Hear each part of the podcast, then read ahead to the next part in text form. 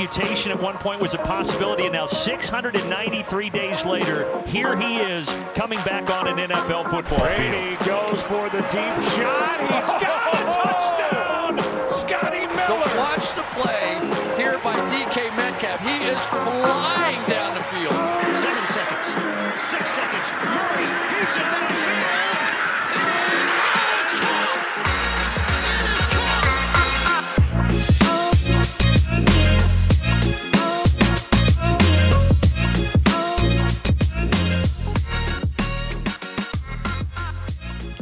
Welkom bij een nieuwe aflevering van de Sport Amerika NFL podcast. Oftewel de... Oké, ik zal het toch niet doen, Chris. Nee, we gaan eh, terugblikken op week 13 en dat doen we zo meteen natuurlijk met Monday Night Football. Eh, en daar heb ik heel erg veel zin in. En de, degene die daar zeker geen zin in heeft, is Chris. Zo, goedemorgen. Nou ja, ehm, we beginnen al met het moment van de week. En uiteraard heb ik wel heel even overwogen om eh, met de epische comeback van Tyler Huntley te beginnen. Heel goed, ga ik je zo naar vragen. Maar eerst ga ik nog even naar de andere man die ook in deze podcast aanwezig is. En dat is Sean. Hoi, goeiedag. Goedemorgen, Sean. Nou, Chris, eh, je, gaat dus niet voor het allerbeste moment in de NFL aller tijd. Nee, dat is een, beetje, een klein beetje overdreven. Nee, je gaat niet voor Brady, je gaat voor. Nou ja, uiteindelijk denk ik, eh, eh, wat buiten het veld, om het veld heen gebeurde, eh, voor mij belangrijk was. de Sean Watson was terug. En eigenlijk wat mij vooral heel erg opviel was dat het eh, business as usual was eigenlijk. Hè. Je, zag er weinig van, of tenminste er werd weinig over gezegd waarom hij er niet was. Je zag af, en toe wat plays op, op Red Zone. Eén of twee verhalen met wat er gebeurd had. Maar iedereen praat er heel erg omheen. En hè, het lijkt eigenlijk een beetje alsof iedereen doet eh, alsof het achter ons ligt. En eh, dat verder niet meer belangrijk is. En eh, het is nu weer in de NFL business as usual. En eh, het geld moet weer verdiend worden. Ja, ik zou, ik zou willen zeggen dat ik verrast ben. Nou ja, misschien niet. Maar goed, hè, Jan had in, in de week daarvoor misschien wel wat, wat, wat hoop. Hè, dat er wat, wat aandacht voor zou zijn. Eh, er was natuurlijk een skybox met, eh, met, met, met vrouwen die door... Die, die, die klachten, aanklachten tegen me in hadden gediend. Maar goed, die zijn volgens mij een hele wedstrijd in één keer in beeld geweest. En ja, je hoopt eigenlijk hè, dat ergens een keertje een verandering komt. Maar dat is in ieder geval niet nu. Ja, kijk, met dit soort dingen. eh, kijk, vooropgesteld is het natuurlijk heel slecht, hè, dat daar in mijn ogen dat daar geen aandacht meer voor is. Maar op dit soort momenten denk ik altijd terug aan de woorden van eh Saman, die dat ooit al bij Touchdown Live ooit een keer zei: de NFL is een business en alles staat in het teken van die business. En het levert de NFL niet meer geld op om die vrouwen in beeld te brengen. En eh, ja, een quarterback die binnen afzienbare tijd natuurlijk gewoon weer een, een posterboard voor de NFL zou kunnen zijn. Eh, die breed uit in beeld te brengen. Dus ik denk dat ja, de, de powers that be, om het zo maar even te zeggen, gewoon in dienst staan van die business die de NFL is.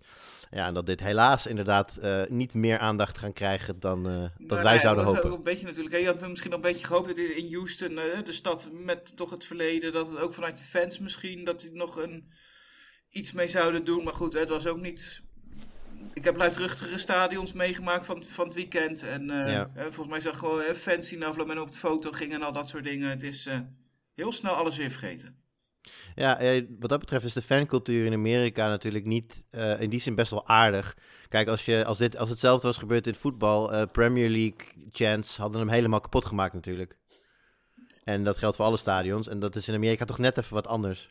Ja, misschien dat dat inderdaad wel. dat we misschien te veel vanuit deze blik kijken. Natuurlijk even van het voetbal, de spreekkoren die je hoort. En dat je dat misschien een beetje verwacht in zo'n wedstrijd.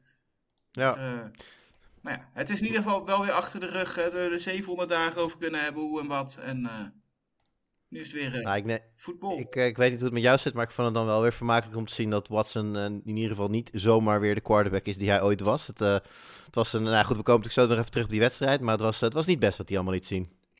Nee, dat scheelt dan in ieder geval weer iets. Sean, jouw moment van deze week. Ja, ik zocht het, eh, zocht het goede in de mens eh, voor mijn moment van de week. Eh, daarom eigenlijk de hele wedstrijd van Mr. Irrelevant, Brock Purdy. Die zomaar even Jimmy Garoppolo overnam in de wedstrijd tegen de Miami Dolphins. En het ja, toch wel best aardig deed. Ja, Brock Purdy en Mr. Irrelevant. Ik las dat hij eh, sowieso de eerste Mr. Irrelevant met een touchdown pass is. Maar überhaupt de, de eerste Mr. Irrelevant quarterback die een forward pass in de NFL heeft genoteerd.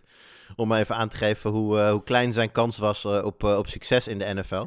Hij komt er inderdaad in voor Jimmy Garoppolo, die natuurlijk zijn, ja, volgens mij zijn, voet of een been brak in die wedstrijd. En leidt, na, leidt ze naar de overwinning. Als je nu zou moeten kijken, Sean, we hebben natuurlijk een hele kleine sample size. Maar als je het nu zou moeten kijken, is Purdy geschikt om de Niners naar, of door het postseason heen te leiden?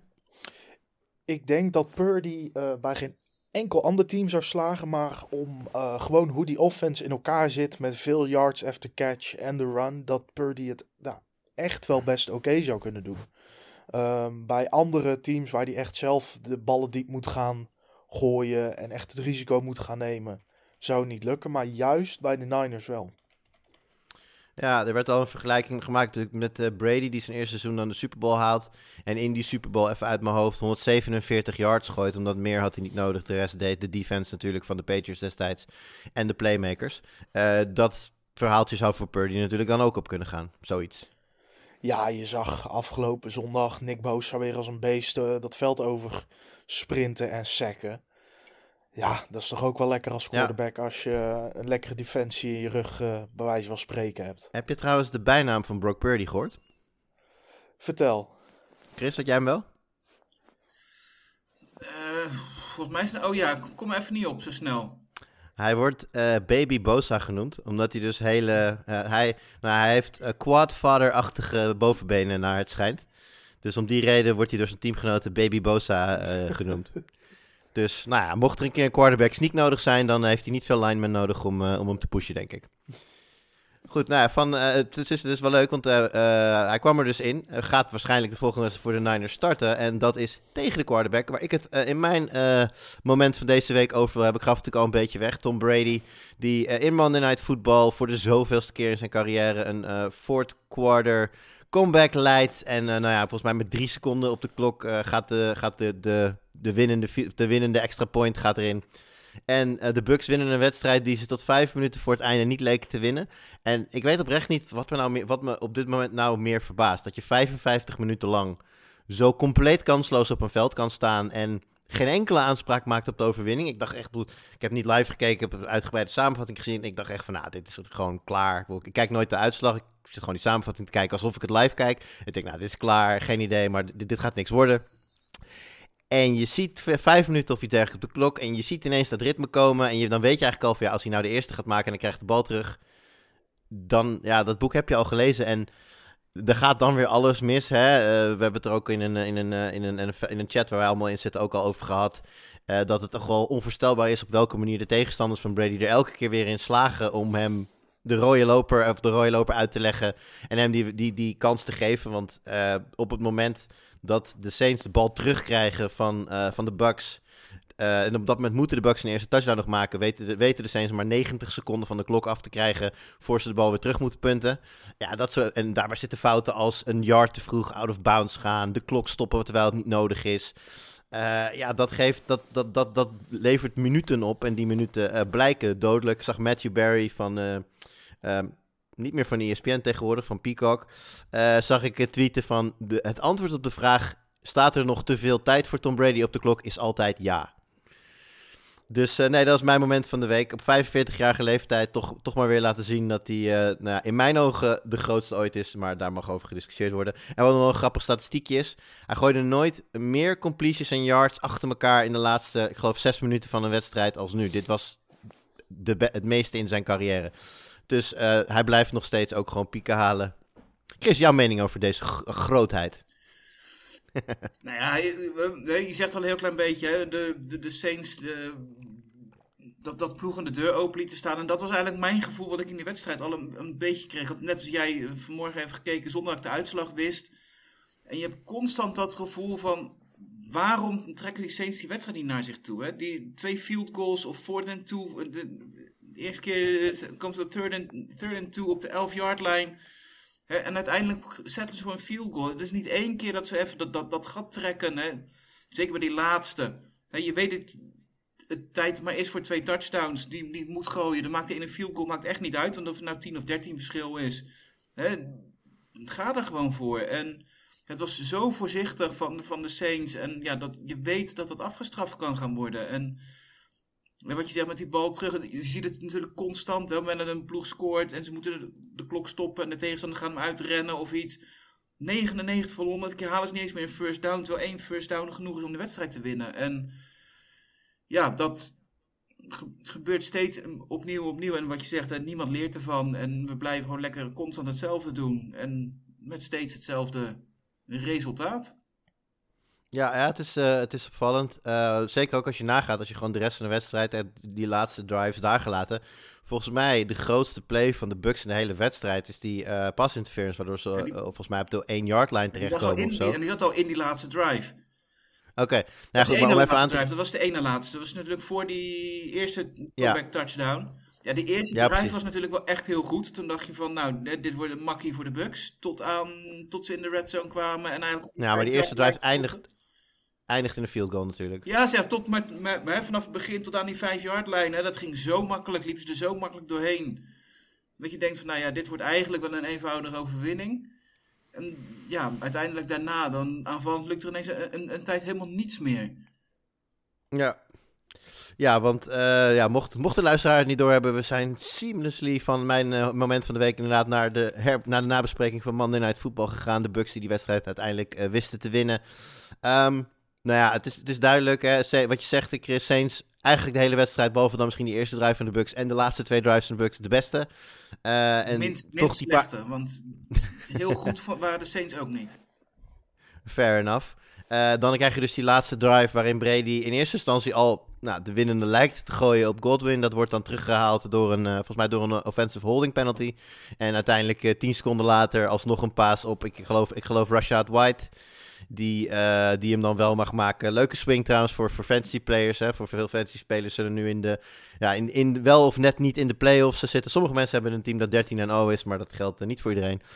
Eh, toch Chris? Ja, ik geen commentaar, geen commentaar. laat jou het Nee, zeggen. dus dat is zes punten minder voor Godwin, zes punten meer voor Rashad White met alle gevolgen van dien. Maar dat is nu niet belangrijk, eh, of is niet zo belangrijk als eh Sean. Hoe staat deze divisie er nu voor? Ik, ik, ik zeg even, eh Buccaneers 6 en 6.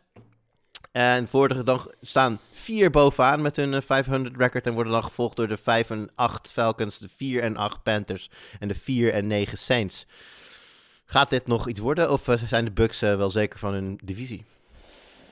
Nee, dit zie je toch niet meer een andere kant op gaan dan dat de Bucks hem winnen. Ehm, ze zijn qua kwaliteit de beste in deze divisie. Dat is Ik zou als Chris zijn willen zeggen minst slechte.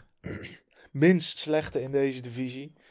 Ehm, ja, ik denk dat het een van de twee divisies is. ehm, een van de drie divisies in de NFC die je al kan opschrijven. Eh, met North en East, wat 100% done and dusted is. En nu ook South. Zeker nu ze deze wedstrijd hadden gewonnen. Ehm, zoals jullie zeiden, daar leek het heel lang niet op. Want na die eerste drive hebben ze inderdaad helemaal niks gepresteerd. Maar ja, daarna liet eh, Tom Brady, eh, die werd wakker, liet zijn klasse zien en eh, gooide toch al ver ja, de divisie op slot. Ja, zie jij dat ook zo, Chris? Ja, ik denk het wel. Je ziet dat eh, qua kwaliteit. ehm, nee, volgende week misschien nog even spannend. Hè? Wat dat betreft komt denk ik voor de, voor de Bucks niet heel slecht uit natuurlijk. Hè? Dat Garoppolo geblesseerd is, komen straks natuurlijk wel even op. Dan komt hun natuurlijk wel op een, een redelijk gunstig moment. Eh, maar goed, als je naar alles kijkt, de, de Bucks verdedigend beste, hè, ze aanvallend meeste wapens. Eh, dit, dit mogen ze nu echt niet meer weggeven. Nee, aan de andere kant van de bal zagen we eh, een opvallende rol voor Taysom Hill, die eh, weer een touchdown scoort op een, pa- op een gevangen bal dit keer. Hij hoeft hem niet te rennen of, of zelf te gooien. Ehm, in zijn schaduw ergens speelt, als het goed is, Alvin Kamara nog mee. Wat eh, maken jullie van zijn rol in deze Saints eh, aanval, jongens? Ja, hij doet mee. En daar is eigenlijk alles mee gezegd. Waar we vorige seizoenen echt een hele sterke Camara zagen, ja, is je dit seizoen eigenlijk gewoon helemaal kwijt. En dat geldt voor de hele running defense van eh, de Saints in de afgelopen wedstrijden. Of eh offense, pardon. Voor deze wedstrijd, ehm, in de afgelopen vier wedstrijden rennen ze 225 yards bij elkaar. Dus minstens sinds 1998, ja. Mark Ingram, ook hij, ja, tuurlijk op leeftijd. Maar ook hij voegt weinig toe aan de run offense. Ja, Je is zag- wel, is nog vol- wel volgens mij licht geblesseerd. Of althans niet helemaal blessurevrij. Grappig genoeg had hij met 7 carries 7 27 yards. En Camara met 12 carries 26 yards. Dus in die zin heeft Ingram het eh, misschien wel beter gedaan. Maar dat, eh, dat is eh, voor de statistieken. Ja, ze probeerden het ook een paar keer met Taysom Hill door het midden, maar ja, alle runs werden direct opgeslokt. Ja, Ja, het is ook wel tempo ook wel gewoon een goede run defense heeft normaal gesproken. Dus dat zal er misschien wel wat mee te maken kunnen hebben. ja, absoluut waar. Nou, Chris haalde het al aan natuurlijk, de matchup die eraan zit te komen voor de Buccaneers tegen de Niners. Eh, de, eh, nou goed, Sean, je, noemde Purdy al in jouw moment van de week. Eh, hij kwam er natuurlijk in in de wedstrijd van San Francisco tegen de Miami Dolphins. Ja, neem ons mee naar die wedstrijd, hoe dat er allemaal aan toe ging. Want op voorhand was dit natuurlijk wel, nou, ik zou zeggen, misschien samen met Cincinnati tegen Kansas City, was dit denk ik het affiche van dit weekend.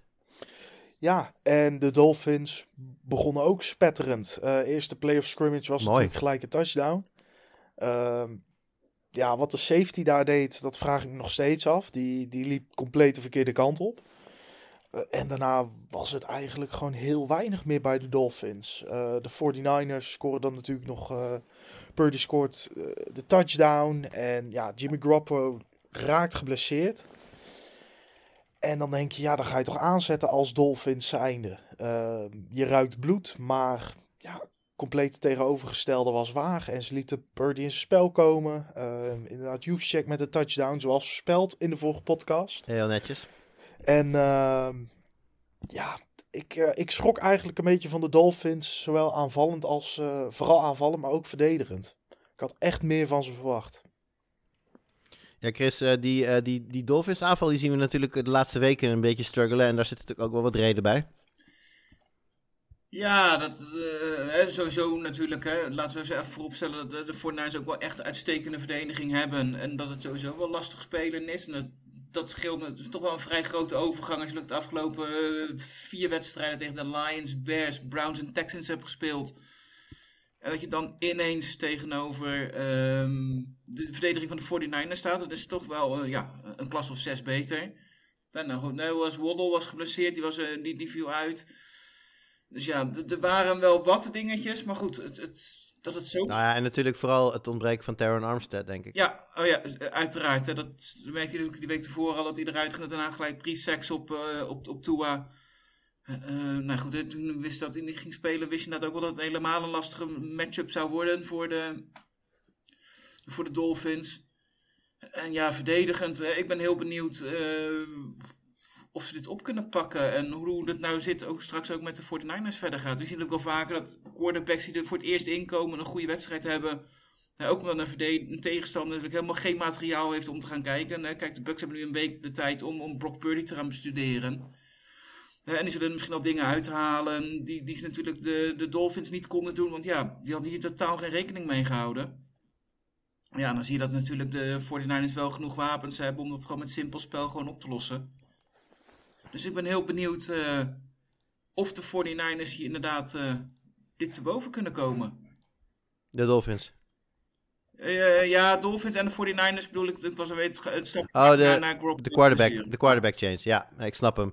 Ehm, ja, dat begint natuurlijk, want ze, ze spelen in die zin natuurlijk niet echt high-powered offense. Hè. Kijk, ze hebben natuurlijk ongetwijfeld misschien wel de beste playmakers in de league met CMC, Debo. Maar ze spelen, ze spelen niet een spelletje waarbij ze afhankelijk zijn van 40-yard bombs. Dus in die zin denk ik dat de quarterback...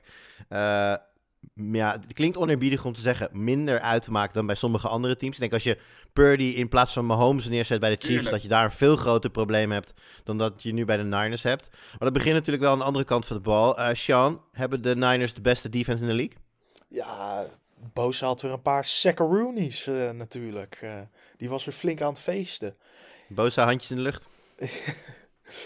Ah, ja, het begint er steeds meer op te lijken dat ze gewoon eh, een sterke defensie hebben. Eh, Jimmy Ward natuurlijk ook met die Superman interception. eh, Die vreselijk mooi was om te zien. Ja, ijzersterk. Eh, zoals je zegt, inderdaad. Ze hebben wel wat blessures in de aanval bij, bij Miami. Waddle was er een tijdje uit. Heel liep af en toe een beetje mank. Ja, en toch weet je ze op 17 punten te houden. Want het zijn gewoon playmakers. En eh één Hmm. keer gooit toe over de top. En je bent, eh, je bent zes punten armer, zeg maar. Ja, en ze hielden ze gewoon heel goed op die eerste play na tegen. En ja, zoals ik zeg, ik maak me heel erg zorgen voor de Dolphins offense eh, op dit moment. Maar dat geldt zeker niet voor de verdediging van de 49ers. Ja, we komen natuurlijk nu eh, langzaam in de periode dat je wat verder gaat kijken. Week 13 gehad, week 14 komt eraan. Nou, we zien de eerste teams die eh, zeker zijn van, eh, van het postseason. Daar zitten de Niners nog niet per se bij.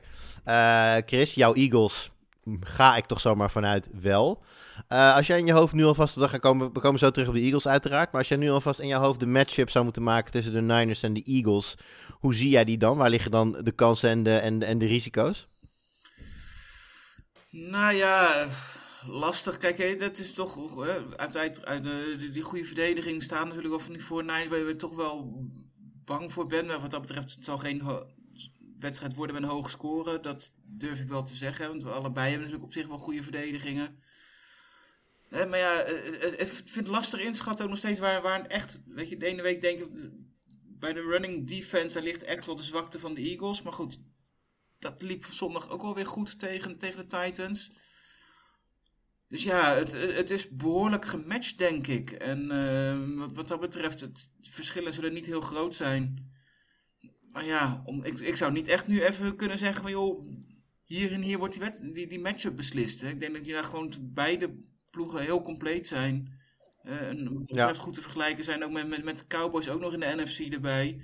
En dat je gewoon drie ploegen hebt die hè, zowel explosief kunnen aanva- aanvallen. Ik denk dat de 49ers, wat je zegt, de minste big plays hebben van de drie. En ja, uiteindelijk denk ik dat de zwakte toch komt te liggen op, op quarterback bij de, bij de 49ers. En daar kunnen ze een hoop wedstrijden mee wegkomen. En goed, in de playoffs, zeker als de 49ers eh, straks uitwedstrijden moeten gaan spelen, best kans dat er een, een wedstrijd komt waar wel de quarterback het verschil gaat maken. En dat zal echt niet elke week hoeven. Maar kunnen ze in die 1-2 wedstrijden dat wel nodig is. Ja, eens. Eh, en, zeker ook als er een, te- een defensie tegenover staat die iets meer passers kan genereren dan dat de Dolphins deden natuurlijk. En zowel de Cowboys als de Eagles zouden daar zeker toe in staat moeten zijn. Eh, wat ik zei, Eagles komen zo op terug. We nog heel even bij de Dolphins blijven. Sean, eh, Dolphins, ik ben ze heel even kwijt. Ja, daar eh 8-4 nu in de divisie. Volgen de Bills, 9-3, Bills stuk bovenaan de AFC op dit moment. Laten in die zin dus een kans liggen om op gelijke hoogte te komen met die Bills. Krijgen nog at Chargers, at Bills, Packers thuis, at Patriots en daarna laatste wedstrijd Jets thuis. Ja, hoe zie jij de, de, Dolphins nu verder gaan? Hebben die eh, nog een legit kans op de divisie? Moeten die zich zorgen maken dat misschien wel de Jets of zelfs de Patriots nog langs zij gaan komen? Ik zou me geen zorgen maken, heel eerlijk gezegd, dat de Patriots en Jets nog voorbij komen. Eh, ja, die hebben gewoon niet genoeg talent. Ik zie ze ook, de Jets misschien, ja, toch wel net die, die AFC playoffs halen, net wel, net niet. Ja, de Bills, die kunnen eh, natuurlijk hele goede zaken doen door de wedstrijd tegen de Dolphins te winnen. En eerlijk gezegd, dat zie ik ook wel gebeuren. Josh Allen is nog steeds niet degene, ja, de quarterback die we zagen aan het begin van het seizoen. Maar hij begint er langzaam maar zeker na zijn elleboogblessure natuurlijk wel weer te komen. Ja, eh, het is ook wel een beetje een what-if seizoen voor eh, Miami als het gaat over het reguliere seizoen. Want ja, wat had je record geweest als, als, als, als Tua niet geblesseerd had geraakt? Maar ja, het is allemaal Eens. achteraf natuurlijk. En ehm, Gewoon hetzelfde ja, record. ik, ja, ik denk dat je toch wel minstens 1, 2 eh, wedstrijden extra had gewonnen. Dat weet ik eigenlijk bijna wel zeker. At, at Ehm, Bengals, at Jets en tegen de Vikings. Dat zijn gewoon drie ploegen die je ook... Op dit moment denk ik niet dat het Dolphins per se... Ja, Jets misschien Ja, in, we- in week 4 waren de Bengals nog niet Ja. de Bengals die het nu zijn. Hè? Die zijn heel traag op gang gekomen. En eigenlijk was die overwinning op de Dolphins voor hun een van de wedstrijden waarin je dacht van... Nou, die begonnen toen eigenlijk net een beetje op stoom te komen. Dus ik, nou, ik zou niet willen zeggen dat, dat eh met Tua dat niet een andere uitslag had kunnen zijn hoor.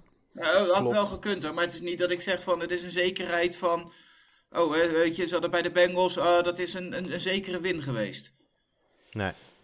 Ja, en dan, ja, wat zijn uiteindelijk de gevolgen op lange termijn? En dan vraag ik me niet af, ehm, ja, natuurlijk ook de gevolgen voor Tua op lange termijn die nooit goed zullen zijn. Maar dit seizoen in de playoffs, eh het thuisvoordeel vreselijk belangrijk. Ja. Ja, als die play-offs halen. Want ik wil, ik wil er toch nog even op terugkomen, Sean. Als ik kijk naar... Ik zei net, Dolphins krijgen dus nog at Chargers, at Bills, Packers, at Patriots, Jets.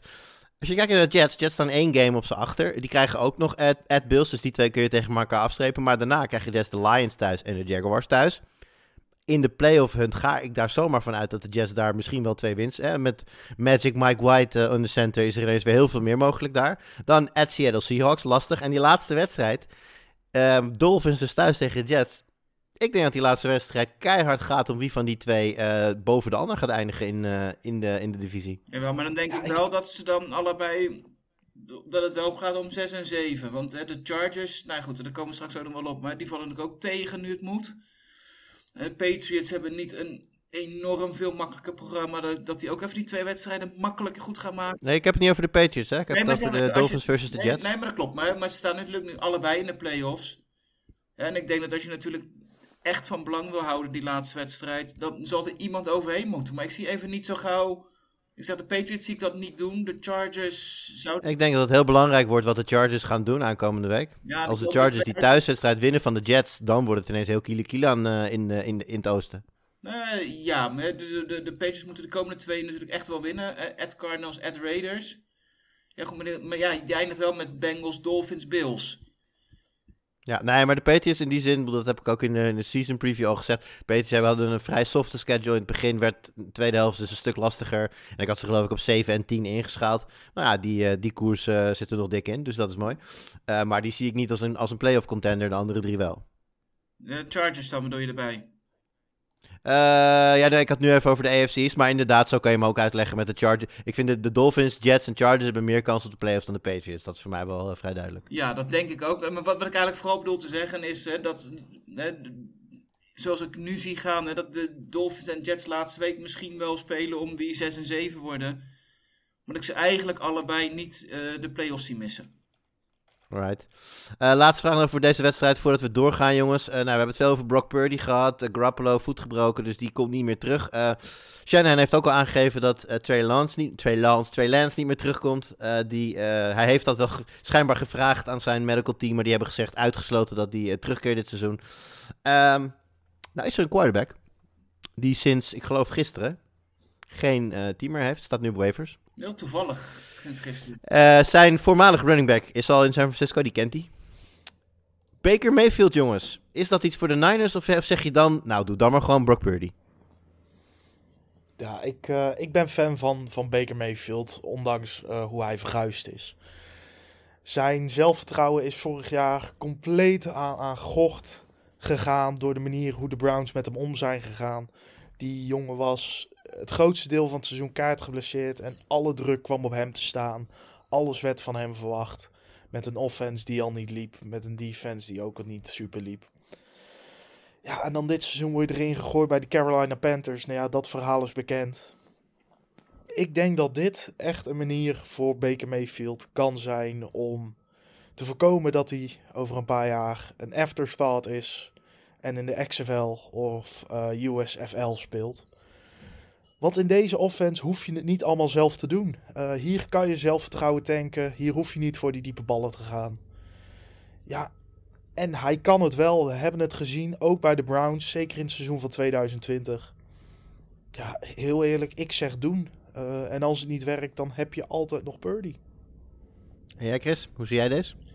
Ja, ik, denk dat ik over het algemeen wel, mee eens ben. Ik denk dat Mayfield beter is dan, hè, veel mensen denken. Aan de andere kant, uh, we hebben ook dit seizoen wel gezien en vorig seizoen ook. En of nou alleen uh, een, een, andere omgeving het direct helpt. Nou ja, bij de Panthers was het ook niet zo. Hè, daar kwam het ook niet uit. Het is ook niet voor niks dat ze hem aan de kant hebben gezet. Ja, tuurlijk kan je heel, heel makkelijk zeggen van we gaan de gok nemen. Aan de andere kant, als jij nu je quarterback aan de kant zet voor, voor Mayfield en dat blijkt niet te werken. En je moet iemand die het nu al aanlegt. Ja, we hebben eigenlijk niet zoveel vertrouwen in jou, hè, want we hebben liever Baker Mayfield. En nou ja, je moet het toch maar gaan doen. Dan gaat die jongen daar beter van spelen. Ja. Je kunt niet gewoon iedereen maar een kans gaan geven en dan twee weken voor de playoffs denken van nou, jij hebt het minst slecht gedaan, ga maar. En dan verwachten ja. dat hij naar de Super Bowl leidt.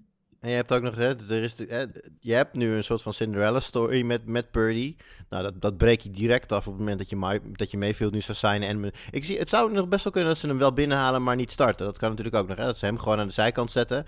En dan Purdy in ieder geval de kans geven om zelf te falen. Ze, ze staan 8 en 4, ze hoeven zich niet meteen zorgen te maken om de divisie. Seahawks zijn dichtbij, maar ik, ik schat in dat ze met zowel Purdy als Mayfield goed genoeg zouden zijn om die wel voor te blijven.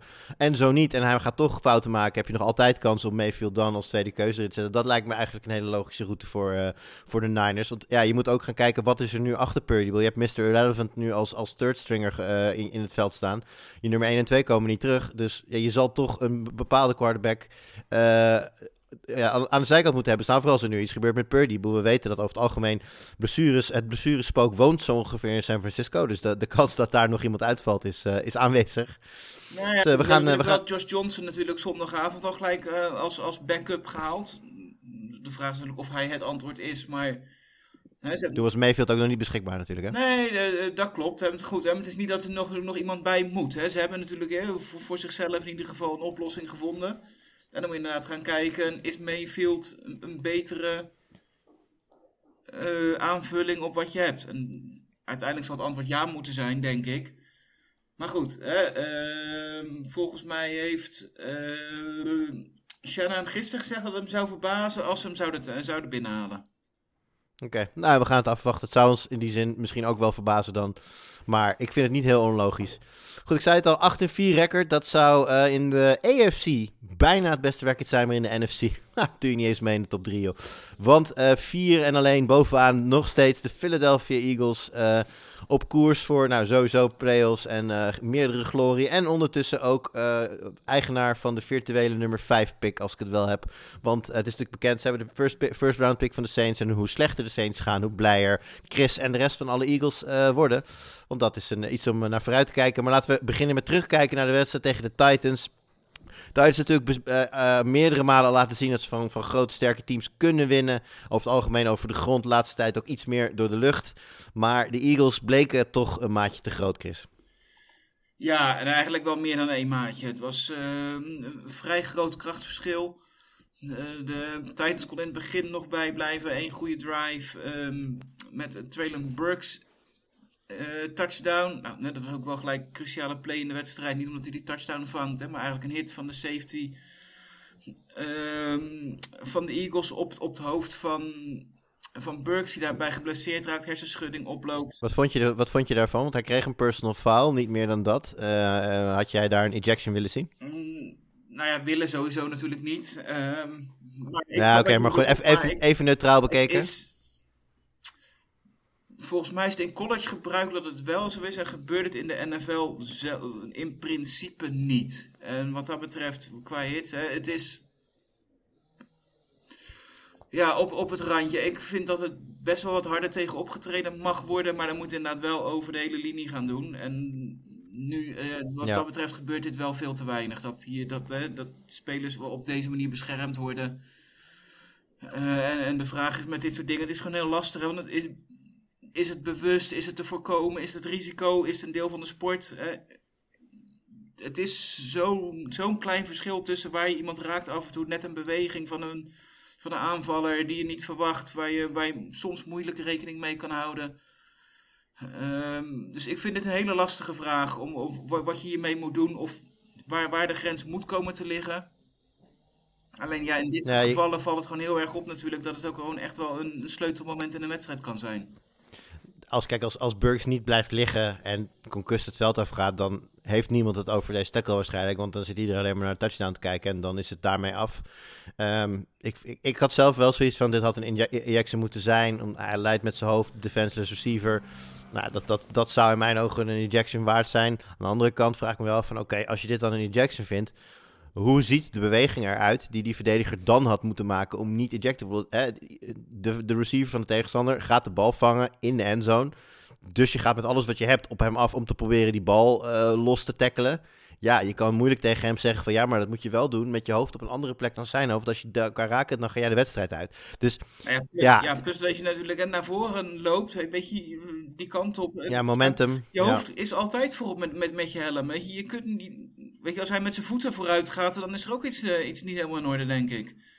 Ja, en als hij inhoudt, dan zal elke coach tegen hem zeggen van ja, je houdt in vlak voordat je de tackle maakt. Eh, vriendje gaat op de bank zitten. Ja, en, hè, eh, en 99 van de 100 keer gaat het goed. En, ja, en dan Ja. de ene keer, ja, kan het soms net mis, misgaan. En ja, Ja, nou, wat ik zeg, ik, ik, ik, ik zat te kijken en ook eh, meerdere mensen die ik dan via WhatsApp sprak, die riepen ook allemaal, dit had een injection moeten zijn. Maar ik zeg, ik ga er iets meer over nadenken. Aan de andere kant, ja, wat ik zeg, ik zou niet weten hoe die jongen dan moet doen zo- eh, op een manier dat we niet met z'n allen zeggen van, dit had een injection moeten zijn. Dus ik denk inderdaad ook gewoon een, eh, een portie pech wat daar, wat daar wel bij zit voor met name natuurlijk Burks. Maar goed, Chris, je, je, haalt het aan. Het is een belangrijke play in de wedstrijd, want het haalt eh, nou, in, in feitelijk de, passing game van, van de Titans totaal onderuit. En ondertussen ja, lijkt, Henry toch ook een beetje vast in de modder te zitten. ja, alweer de, volgens mij de vierde week op rij dat hij niet echt hele goede cijfers heeft. Dit keer hè, 11 carries, 30 yards, had twee passes voor 8 yards. Ehm, dus ja, hè, van tevoren, nou goed, eh, na vorige week had het wel iets minder, omdat Henry natuurlijk ook wel toen goed afgestopt werd. Eh, Maar goed, je weet eigenlijk hè, dat de weken daarvoor hier de zwakte ligt van de, van de Eagles. Dan hebben we natuurlijk wel met uh, onder Gunnerman Sue ehm, alweer wat versterking gehaald. Hè. Ze hadden natuurlijk wel weer geluk hè, dat er ook weer van blessures alweer wat terugkwamen. Hè, waardoor de run defense ook wel weer wat beter is. Maar ja, ehm, voor de rest, eh, Henry was echt onzichtbaar aanvallend.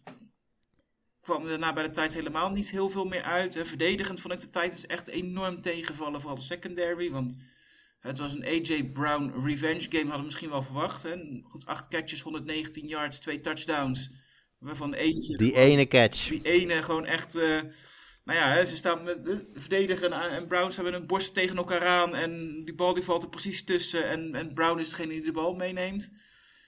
Hebben ook, de Vond heeft tenminste een goede game. Ehm, hè, uiteindelijk had Hurts 103, 380 passing yards. Eh, vier touchdowns. Dus ja, het was gewoon eh, all-around performance. En jij begon eigenlijk hè, je, je verhaal met hè, de Titans die kunnen van grote teams winnen. Maar dit seizoen niet. Hè. Ze zijn nu 7 en 5, waarvan 1 en 5 tegen teams boven 500. Hè, en 6 en 0 tegen alle teams eronder. En die ene overwinning was tegen de Commanders. Wat, nou ja, ze zijn boven 500, maar ik vind het geen topteam. Dus ja, ze zijn gewoon niet zo goed als, als afgelopen jaren de Titans. Alleen ze zitten gewoon in een enorm zwakke divisie. Nou ja, dat, eh, ik denk dat de samenvatting eh, daarvan eh, simpelweg AJ Brown zou kunnen zijn. Van dat verschil. Dat is een heel groot verschil, ja, dat klopt. En Ja. plus, wel, Goed, nou, plus wel blessures in de verdediging. Dat, eh, dat helpt natuurlijk eh, zeker niet mee. Ehm, nou, de Eagles winnen, eh, blijven dus aan kop van de hele NFL met een eh, 11 en 1 record. Eh, hebben twee games voorsprong op de rest van die divisie. En lijken dus de bye zo langzamerhand al in hun, in hun zak te hebben. Minnesota de Vikings natuurlijk nog wel ook op 10 en 2. Maar goed, dat, dit, dat vind ik een minder sterk team dan de Eagles. Aan de andere kant, ja, je zei het al Chris, Titans hoeven zich eigenlijk over de divisie natuurlijk niet echt zorgen te maken. Nee, die staan nog steeds. geloof, volgens mij zijn er nu zeven gewonnen. Volgens mij de eerste de achter op vier overwinningen. Vier, dus ja. dat. eh, nee, joh, die moeten nog. Nou ja, eh, die- die andere drie die gaan de zeven niet eens halen. Dit is gewoon klaar. Nou ja, ze krijgen nog twee keer de Jaguars ook sowieso en de Texans binnen hun eigen divisie. En ze moeten ook nog wel na de Chargers krijgen de, krijgen de Cowboys. Maar zelfs als je Chargers en Cowboys eraf zou halen, dan denk ik dat Jaguars, Texans, Jaguars op zijn minst twee eh, overwinningen zou moeten opleveren voor de Titans. En dan zijn ze De enige manier dat dit spannend wordt is als de Jaguars de Titans sweepen. Dan, eh, dan komen ze op één en dan kan het nog leuk worden. Ja, dan, eh, dan kan het heel interessant worden. Gaan wij verder. Ehm, want nou, ja, laten, we, laten we het rijtje maar gewoon aflopen dan. Want de volgende die ik hier zou willen bespreken, niet de Vikings. Ik wil eerst even naar de Cowboys. Want ja, behalve record, ga, kijk je natuurlijk ook naar hoe teams spelen. En zeker in deze fase van het seizoen wordt het ook steeds belangrijker dat ja, een win... eh, kijk, Ravens hebben ook gewonnen, komen we zo op. Maar die speelden niet zo heel erg goed. Cowboys hebben gewonnen, Sean. En ehm, ja, speelden vrij goed. Ja, eh, vooral laat in de wedstrijd. Eh, de Colts, wat ze eigenlijk toch wel vaker doen dit seizoen in wedstrijden tegen grote teams, is toch wel lang in de wedstrijd blijven. En daarna werden ze echt compleet verpulverd in het vierde kwart. Eh 33-0 voor Dallas. Alleen de Lions scoorden ooit 34 punten. Ja, ze bleven maar doorgaan, de Cowboys. En het was toch wel ook wel een beetje het visitekaartje afgeven van... kijk, we kunnen het toch echt wel. Maar op de nu dacht ik, ik vind het wel heel triest worden voor die high school coach van de Colts. En, uh, en er toch wel bottig uitziende Matt Ryan ondertussen. Die, uh, die lijkt met de week uh, magerder te worden en zich meer te stressen. Ja, het was, het was een complete wedstrijd uiteindelijk van de Dallas Cowboys. En iedereen op defense deed mee. Iedereen op offense deed mee. Ja, en uiteindelijk hoefde ze toch niet heel erg hun best te doen. Wat toch wel enigszins te verwachten was tegen de Colts die heel erg tegenvallen dit jaar. Ja, ja, er was toen, toen Saturday begon natuurlijk heel even die opleving. Natuurlijk uh, met Ryan die weer terugkwam. Taylor viel ook samen met het feit dat Taylor toen weer fit was. Dat, dat helpt. Uh, maar hadden natuurlijk tegen de Cowboys niks te zoeken. Um, ja, die 33 punten in het vierde kwart, kun je natuurlijk, kun je vraagtekens bij zetten. Want hè, in Amerika wordt daar natuurlijk iets van gevonden. Als je een al gewonnen wedstrijd uh, nog verder de score, running up the score ik had niet het gevoel dat de Cowboys daarmee bezig waren. Ik had het gevoel dat, dat de Colts het zo erg in hun schoot aan het. Ik bedoel, wat moet je dan als je de bal in je handen hebt en je ziet de end, moet je dan stoppen? Dus het was, het was echt, ze kregen hem keer op keer op een presenteerblaadje. Ja, en ze waren gewoon lekker voetbal aan het spelen bij, bij Dallas. Um, ze vonden het allemaal wel, wel goed. En tuurlijk, je gaat voor die punten, zeker als je een verdediger bent en je scoort bijna nooit punten. Ja, als je dan kans hebt op een pick six of een scoop en score, ja, dan wil je natuurlijk naar die Enzo rennen. Aan de andere kant, het is geen college voetbal. En uh, wat ik niet begreep van de Dallas Cowboys is dat ze nog heel lang een offense op het veld lieten staan. Ja, de starters bedoel je dan? De starters inderdaad. Want uh, ja, er, er, moet maar iemand geblesseerd raken. Raak je Tony Pollard kwijt, raak je weer Dak Prescott kwijt. Ja, dan heb je op nu toch wel echt wel enigszins een probleem. Ja. En dat begreep ik niet. Maar ja, ik, uh, ik uh, ben het met je eens. We hebben natuurlijk niet zo heel lang geleden Sean McVay nog gehad. Die uh, over Cup zei van ja, we staan bijzonder zo dik achter. Ik, heb, ik had hem eigenlijk gewoon al lang van het veld af moeten halen. En het is mijn fout dat hij geblesseerd is. Ja, dat, dat risico nemen de Cowboys daar dan natuurlijk ook in een wedstrijd die dik en dik gewonnen is.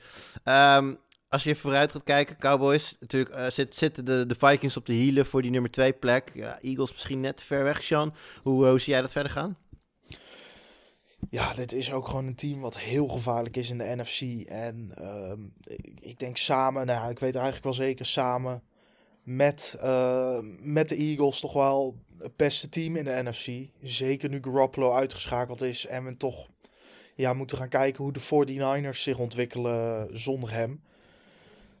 Super Bowl, uh, ja, ze denken het natuurlijk elk jaar te halen, Cowboys fans, maar ja, het is toch echt mogelijk dit jaar. Ja, ze krijgen in het resterende schema in ieder geval nog de Texans thuis, dan at Jaguars, uh, Eagles thuis, dan at Titans en at Commanders. Daar zitten vier zeer winbare wedstrijden tussen, denk ik, voor de Cowboys. Met uh, nou ja, die wedstrijd op 24 eh, december, zaterdag 24 december tegen de Eagles. Hij staat nu nog op half, vijf voor half elf Nederlandse tijd. Het zou mij niet verbazen als, hij, als die nog naar primetime geflext gaat worden, Eagles Cowboys. En uh, ja, ik, zou dat om de divisie gaan? Ik denk het niet. Ik denk dat, uh, dat het gat tussen de Eagles en de Cowboys op dat moment ook gewoon nog twee, twee wedstrijden is. Dus dat ze niet in, in de gelegenheid komen om de Eagles nog in te halen. Maar zowel, dan uh, wordt dat in ieder geval een hele spannende matchup. En dan ben ik met je eens, Sean. Ik denk dat de Cowboys inderdaad gewoon een woordje mee gaan spreken in, in de playoffs. En dan ben ik heel benieuwd hoe ze het dit keer weer gaan verklooien. Want dat is wat de Cowboys doen in de playoffs. Doen ze heel graag. Nou ja, eerste ronde Bucks thuis verliezen, denk ik. Dat ze dat is uh, met een comeback drive van Tom Brady. Uh, dat uh, dat zou ik in ieder geval prima vinden. de Commanders, we hebben ze net genoemd, ze komen natuurlijk, gaan nog een woordje meespreken in deze divisie. Hadden ook een divisie matchup tegen de Giants. Ja, ik vind het wel grappig, want um, er, eindigde een wedstrijd op de World Cup in gelijkspel. En toen had je natuurlijk, ik volg veel Amerikaanse sportaccounts, die riepen natuurlijk om het hardst. Wat een idiote sport als je gewoon stopt na, met een gelijkspel. Nou, Sean. Ja, en dat gebeurde precies hier. En uh, als Giants-fan geef ik daar toch een beetje Richie James de schuld voor. Want tijdens een cruciale third and two uh, stonden de, Giants in een wishbone formation met... Um, of in ieder geval met twee running backs aan de zijkanten en Daniel Jones in het midden. En Richie James hoorde de playcalling niet en lompte, liep prompt tegen Saquon Barkley aan. Waardoor Daniel Jones maar moest gaan scramblen en... Uh, neergehaald werd. Nou ja, uh, ook in de volgende drive lukte het niet. Graham Gano heeft een goed been, maar um, ja, volgens mij was het een, uh, een 61-yarder zoiets. Het had ook een Giants record geweest. Ja, uh, als je dan terugkijkt, dit gelijkspel. Uh, als hij dan moet gebeuren, dan maar tegen de Commanders. En ja, je had deze wedstrijd op een paar punten ook kunnen verliezen. Uh, ik vond Jones overigens echt meer dan naar behoren spelen. Was accuraat, zeker voor zijn doen. Ja, en dan voelt het toch altijd een beetje als een. Nou, een beetje. Het voelt gewoon als een hele grote teleurstelling om twee Amerikaanse sportteams in gelijk spel te zien eindigen. Zeker als het je eigen team is. Maar ja, aan de andere kant is het toch ook altijd wel weer een beetje grappig. Uh, als je dan kijkt naar de berekeningen voor de playoffs. Die dan uh, weer heel, veel, veel lastiger Heel worden. belangrijk gelijkspel dit. Ja, en dat ook natuurlijk. Nee, want er is, ik heb inderdaad ook al wat, wat rekenvoorbeelden gezien van nou ja, wat teams nog gaan doen. En als we bijvoorbeeld kijken naar een van de teams die normaal gesproken toch altijd wel aanwezig is in de playoffs, uh, de Green Bay Packers, staan 5 en 8. Ja, voor hen uh, staan, uh, is dat dat enige gelijkspelletje wat de Giants en de Commanders nu hebben staan, die 7-4 en 1, 7-5 en 1. Uh, zou zomaar eens heel cruciaal kunnen zijn uh, als bijvoorbeeld al, al die teams allemaal op acht wins eindigen. En de Packers zullen dan één los meer hebben uh, dan die anderen, want die anderen hebben een gelijk spel. Dus dat zou in theorie voor de Packers is dit in ieder geval heel slecht nieuws, op voorhand al. Ik denk als die kans zullen maken, zullen die hun hele resterende schema moeten gaan winnen. En zelfs dan zijn ze nog niet zeker, ook mede door deze, door dit gelijkspel. Dus ja, ik snap dat je wat willen winnen, Sean, maar het is, niet, het is niet per se slecht nieuws. Nee, als je een hekel hebt aan Packers-fans. Dus voor de Vikings zullen deze, deze taai hebben toegejuicht. Maar uh, ja, je wint hem natuurlijk liever. En zeker omdat het thuis is. En de Commanders hebben een bye week. En daarna weer New York. Ja, je had toch wel sowieso je eigen keer thuiswedstrijd moeten winnen. Want zeker met die bye week van, van Washington in het achterhoofd. Zie ik die toch wel een stuk meer kans maken om die tweede wedstrijd te winnen. Ja, nou hebben de Commanders verder, behalve de Giants, nog... Moet, daarna moeten ze naar Ed Niners, dan de Browns thuis en daarna de Cowboys nog thuis. Nou, of, er, moet voor de Cowboys tegen die tijd niks meer voor te spelen zijn, dan zie ik nog wel gebeuren dat ze het winnen. Maar anders zie ik hier eigenlijk maar één win tegen de Browns. Voor de rest, ja, Giants wordt dan heel belangrijk. Ja, en uh, het ligt er ook aan als ze die wedstrijd tegen de Eagles winnen. Uh, als ze hem verliezen, ja, dan denk ik dat ze heel weinig meer hebben om voor te spelen. Dus ik ja, de Cowboys bedoel je dan? De, ja, als ze tegen de Eagles verliezen inderdaad, de Cowboys. Ja. Dan, uh, ja, dan zou die op een eiland kunnen staan. Ja, misschien nog in, in strijd met de Vikings natuurlijk om die second seed. Dat zou kunnen. Ja. Maar die is nou nu tegenwoordig wat minder belangrijk dan een aantal jaar geleden. Toen de nummer 2 seed natuurlijk ook een uh, first round bye was. Ja, en dat is er tegenwoordig niet de meer. De Cowboys in de divisie van de Eagles zitten. Hè, dus die hebben sowieso niet, geen kans op de 2. Oh ja, klopt. Goed punt. Maar goed, dat maakt, maar, ondanks dat maakt sowieso niet veel uit. Nee, want, uh, die, die, het is meer van stel dat je de Eagles eruit gaan, dan zouden Cowboys, Vikings nog misschien nog ergens van belang kunnen zijn, maar dat... Uh... Ja, nee, heel goed punt. De divisiewinnaars komen natuurlijk eerst in, uh, in de seeding. Uh, gaan we even naar de andere kant, jongens. Want we hebben nu de top van de, op de Vikings na dan de top van de NFC wel redelijk besproken. Uh, ik zei het al in het begin, we hadden meerdere mooie adviesjes. Dolphins, Niners was er één, Chris. Maar als we gaan kijken, Cincinnati tegen Kansas City, dan hebben we natuurlijk ook twee van de, nou op dit moment denk ik, beste quarterbacks tegenover elkaar.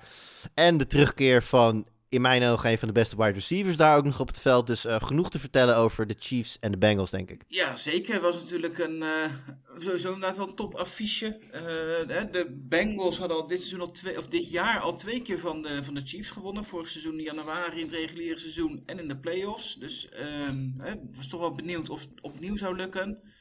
En het antwoord was dus inderdaad ja. En misschien nog wel enigszins verrassend ook. Ehm, de Bengals begonnen wel goed in. Merkte vooral de, de verdediging. Op een of andere manier hebben zij het antwoord voor de, voor de Chiefs. Je zag heel vaak hè, dat ze eigenlijk maar met drie man rushen. Hè, en eigenlijk acht man uh, gewoon in coverage laten, laten zakken om het Mahomes moeilijk te maken. En dat lukte eigenlijk opnieuw. Hè, Travis Kelsey uh, was totaal onzichtbaar. Uh, dus dat, dat hielp echt wel enorm mee. uiteindelijk kwam hij op vier catches, geen enkele touchdown. Uh, hadden een hele belangrijke fumble uh, die eigenlijk de, de, de, Bengals weer terug in de wedstrijd bracht of, of op voorsprong ja. kon brengen. Ik vond het heel frappant dat ze in die drive, na de, na de uh, fumble van Kelsey, iedere keer als de Bengals dan weer first down pakten en ook, toen uiteindelijk scoorden, elke keer een shot van Kelsey, ja. dat hij zo met zijn handen op zijn kraag, je ziet het gewoon voor je, zat hij zo te kijken en dat, dat gezicht sprak gewoon van ja, dit is mijn schuld. En ja, de, de, de regie vond dat kennelijk ook, want iedere keer weer, bij de vierde keer had ik wel zoiets van, ja jongens, we weten het, hij heeft een fumble gemaakt, dat is niet iets wat hij wekelijks doet, geef die jongen, geef die jongen een break, kom op. Maar nee, je hebt gelijk, was, was natuurlijk cruciaal. Um, eh, brengt, brengt ze terug de wedstrijd in. Net zo cruciaal natuurlijk, gemiste field goal van Butker. Ja, want dat, eh, die had nog in de slotfase nog de kans natuurlijk om gewoon weer de gelijkmaker binnen te schieten. Eh, ja, dat was toch 55 yards. En Ja, wat ik, daar, wat ik daar interessant aan vind, is dat op die play daarvoor volgens mij wordt Mahomes gesackt. Eh, hobbelt het veld af daarbij, eh, zichtbaar aangeslagen, niet, niet, niet zwaar geblesseerd, rest van het seizoen oud. Maar ja, je zag dat, was, dat zat niet goed. Hij, hij hobbelde naar de, naar de zijlijn. Ik heb wel sterk het idee dat die 55 yarder ook werd genomen, omdat op dat moment Mahomes gewoon even niet op het veld kon staan. Ik denk namelijk dat ze er anders voor. Als, er, als hij zich niet aangeslagen voelde. En ik zie jou knikken, Sjan. eh, als hij zich niet aangeslagen voelde, denk ik eigenlijk dat ze er gewoon voor gegaan zouden zijn. Ja, tuurlijk. Eh, het- het zijn de Chiefs en die nemen risico en dat risico betaalt zich uit. En ja, door die sack inderdaad eh, gaan ze er niet voor. En uiteindelijk blijkt het echt cruciaal, inderdaad samen met die fumble. Ehm, je zegt net, hij doet het niet elke week, maar ja, het is toch al de zevende wedstrijd op een rij van de Chiefs met een turnover, wat het langste is. Ehm, Maar niet altijd Kelsey. Nee, nee, nee, maar ik bedoel de Chiefs in het algemeen natuurlijk. Eh dat zevende wel. wedstrijd op een rij. Ja, het is het langste onder Andy Reid. En ja, dat wordt toch echt een probleem eh, ondertussen. En je ziet, ja, je verliest er gewoon wedstrijden door. Ball security en ook, ja, minder interceptions gooien. Dat is makkelijker gezegd dan gedaan. Maar ja, ehm, het, het hoort bij het spel enigszins van, van Kansas City. Eh, high risk, high reward. Maar ja, ball security is toch ook heel, heel, heel belangrijk. Ja, zeker. Chris, je haalde net de vorige wedstrijden tussen deze twee al aan. Wat ik daarbij vrij helder op mijn netvlies heb staan was Joe Burrow, die eigenlijk helemaal niet bekend stond als een running quarterback, die tegen de Chiefs ineens in de playoffs ook een aantal cruciale third downs pakte met zijn benen. Ook een rush van geloof 25 yards keer erbij eh, vorig jaar. Eh, wat hij eigenlijk tot daar helemaal niet had gedaan. En dan als ik dan nu. eh, ik, ik moet eerlijk zeggen, het staat me van dit weekend niet eens zoveel bij. Maar als ik nu dan de stats voor me zie, dan zie ik Joe Burrow, 11 attempts, eh, 46 yards en een touchdown. Dan denk ik, ja, jij zegt zij hebben hun, hun nummer. Ik denk dat het eh, gebruiken van de benen van Burrow daarboven gemiddeld bij hoort in hun, eh, hun gameplan. Nou, je zag het volgens mij vooral in de eerste, eerste 1, 2 drives. Dat echt cruciale first downs pakte, inderdaad. Hè. 16 yard run, volgens mij eentje van, van 10 of 11 of iets. Daarna werd het wel wat minder, in ieder geval qua explosiviteit. Maar zeker in het begin pakten ze echt wel twee, twee flinke runs, inderdaad. eh, belangrijke first downs eh, via de benen van Burrow. En dat natuurlijk toch gecombineerd met, met zijn passing, hè, met, met Chase die terug was. Ja, het, het is gewoon heel gevaarlijk. Zeker nu Mixon er niet bij was, er toch nog iets van rushing was. Dat, eh, Ja, oh, per, eh, Pirine heeft natuurlijk in zijn afwezigheid wel gewoon goed gedaan. 21 attempts Ja, voor nee, 106 absoluut. yards.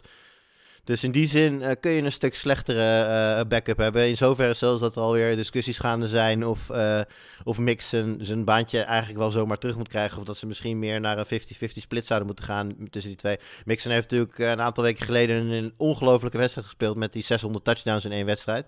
Maar heeft daarbuiten ja, best een wisselvallig seizoen, yards per carry, niet per se eh, bij de beste van de league. Dus ja, Pirine eh, maakt het hem in die zin eh, best, wel, best wel lastig. Ik verwacht niet dat ze meteen een switch gaan maken of zo. Daar heeft de Mixon zijn sporen net even te veel voor verdiend. Maar dat, zij, of dat hun, hun aanval goed in balans is met de running game en de passing is, ehm, is duidelijk. Eh, je noemde hem al, Chase. Wat vond je van zijn terugkeer, eh, Chris? Hij eindigt de wedstrijd met eh 7 receptions voor 97 yards, nog geen touchdowns. Eh, maar eerste wedstrijd terug na, ik geloof, drie, gemiste, drie of vier gemiste wedstrijden. ja, Kan slechter. ja het lijkt me meer dan prima. Ik denk meer dan de, de Bengals hadden mogen durven hopen aan het begin. Als je weer terugkomt na zo'n tijdje eruit. En als hij straks nog fitter, nog beter wordt, dan Ja. ja. wordt het gewoon weer een, gevaar, een enorm belangrijk wapen eh, voor, voor ze. Hij heeft dus, de, het verhaal met is trouwens dat hij dus vorige week wellicht had kunnen terugkeren. Eh, uiteindelijk zelf heeft gekozen om dat niet te doen. Eh, met outlook, want hij vertelde van ja, hij is een aantal weken weg, weg geweest van het team.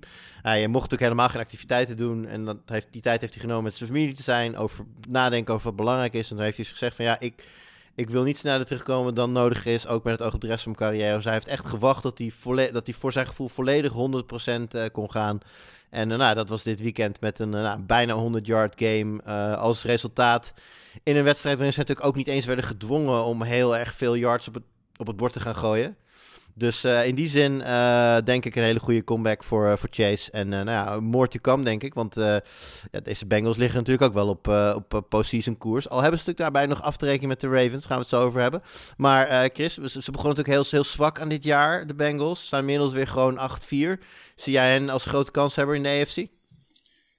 Ja, zeker. Zeker natuurlijk bewezen hebben constant van de Chiefs te kunnen winnen. Ik denk dat ze op papier de, de Chiefs en Bills vind ik ietsjes beter. Maar zij zitten hier wel echt wel duidelijk dicht tegenaan. En zijn wel echt wel de nummer drie in de AFC voor mij. En hè, ze staan dan nu op plek 5 nog achter de Ravens en Titans. Maar goed, de Bengals zijn voor mij wel beter. Nee, wel, wel, voor beide, wel voor beide Titans. Eh, ja, Staan- record-wise. Ja, de Titans staan natuurlijk nog boven. Omdat Oh ja, de divisie, ja, precies. Maar inderdaad, eh, ja, voor mij zijn zij wel de nummer drie. Ja, op het moment dat ze de Ravens pakken, springen ze natuurlijk ook over de Titans Ja, heen. Want dan ja, zijn ze zelf uiteraard, eh, ja. een divisiewinnaar. Het eh, doet Ja. denken aan vorig jaar.